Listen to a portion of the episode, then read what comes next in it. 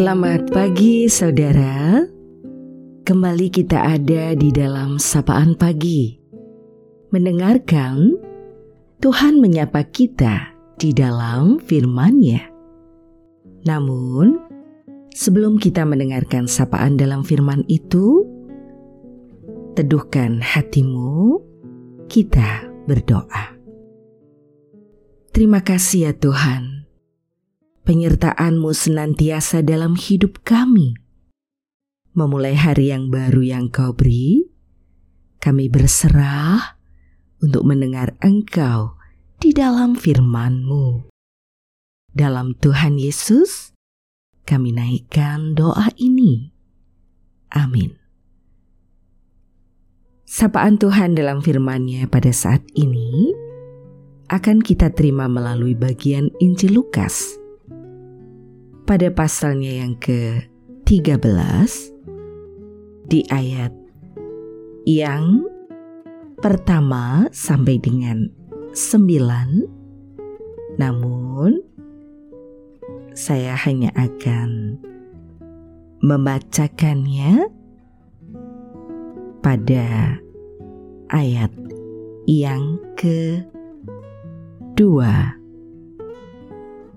Sangkamu orang-orang Galilea ini lebih besar dosanya daripada dosa semua orang Galilea yang lain? Karena mereka mengalami nasib itu? Saudara, kita akan merefleksikan hal ini dalam tema senang di atas penderitaan orang. Salah satu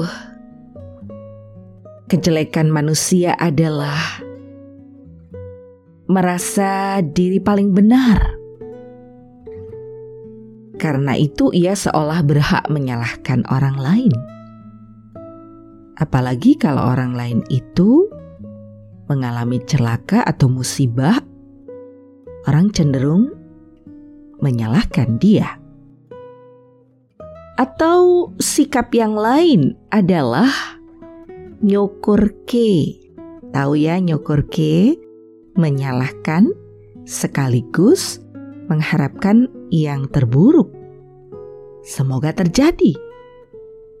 Ini salah satu sifat jelek dalam diri mungkin kita, ya manusia.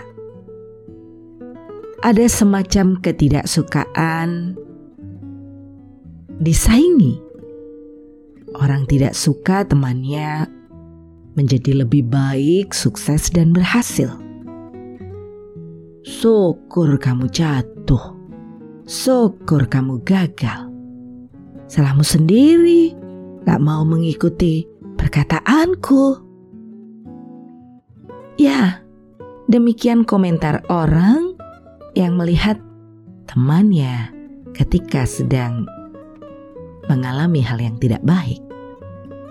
Ia tidak berusaha menolong, tetapi malah menyalahkan dan senang di atas penderitaan orang lain. Peristiwa itu bukan dijadikan bahan introspeksi diri, tetapi malah bersikap sombong, merasa benar sendiri. Yesus mengajak orang untuk berefleksi atas dirinya, untuk melihat kembali dirinya, untuk bertobat jika melihat ada orang lain menderita. Menanggapi sikap sombong beberapa orang yang datang melaporkan keadaan orang-orang Galilea yang dibunuh Pilatus, Yesus berkata, "Sang kamu orang-orang Galilea ini lebih besar dosanya daripada semua orang Galilea yang lain? Karena mereka mengalami nasib itu? Tidak, kataku kepadamu. Tetapi jikalau kalian tidak bertobat, kalian semua pun akan binasa dengan cara demikian. Sikap tobat itu penting agar kita tidak mudah menyalahkan orang lain sikap tobat mengajak kita melihat pada diri sendiri yang juga rapuh. Kalau kita mau bertobat dengan sungguh, Allah juga akan mengampuni dan memberi kesempatan kita untuk bertumbuh. Seperti perumpamaan seorang yang mencari buah pohon ara, namun tidak menemukannya. Ia menyuruh pekerja menebang pohon yang tidak berguna. Namun, pekerja itu menggambarkan sikap Allah yang memberi kesempatan. Tuan, biarkanlah pohon ini tumbuh selama setahun ini lagi. Aku akan mencangkul tanah sekelilingnya dan memberi pupuk kepadanya. Mungkin tahun depan akan berbuah. Jika tidak, tebanglah. Allah yang Maha Murah itu tidak menebang dan mematikan. Ia memberi kesempatan dan pengampunan untuk berkembang.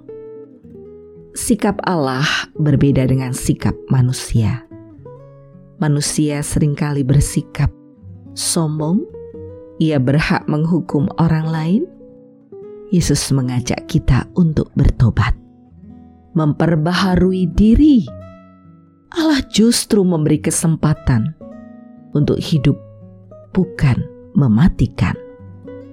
Marilah kita memperbaiki diri dan menggunakan kesempatan yang diberikannya untuk bertumbuh dalam iman dan dalam cinta kasih. Mari kita pakai hidup yang Dia beri sebagai sarana dalam kehidupan yang seturut di dalam kehendaknya. Ia memberi kesempatan hidup berbuah menghasilkan kebaikan. Tuhan merengkuh kita dalam cinta kasihnya. Mari kita akhiri sapaan ini, kita berdoa. Terima kasih ya Tuhan. Engkau sumber pengharapan dan cinta kasih. Engkau mengajak kami terus untuk memperbaiki hidup seturut kehendakmu bertumbuh, berbuah, dan terus menjaga diri, berefleksi dalam Engkau, agar jalan-jalan yang kami lalui menjadi jalan kehidupan yang mendatangkan kebaikan. Kami berserah di antara kerapuhan diri. Kami belajar mempercayakan hidup hanya kepada Engkau dalam situasi ataupun keadaan yang beragam. Engkaulah sumber pertolongan yang sejati. Hanya di dalam Tuhan Yesus kami berserah. Amin. Saudaraku, demikianlah sapaan pada pagi hari ini. Terus dengarkan Tuhan menyapa kita di dalam firman-Nya. Saudara bersama saya Esti Widya Stuti pendeta jemaat Gereja Kristen Jawa Pakem, dan ada di lereng Gunung Merapi. Tuhan memberkati. Amin.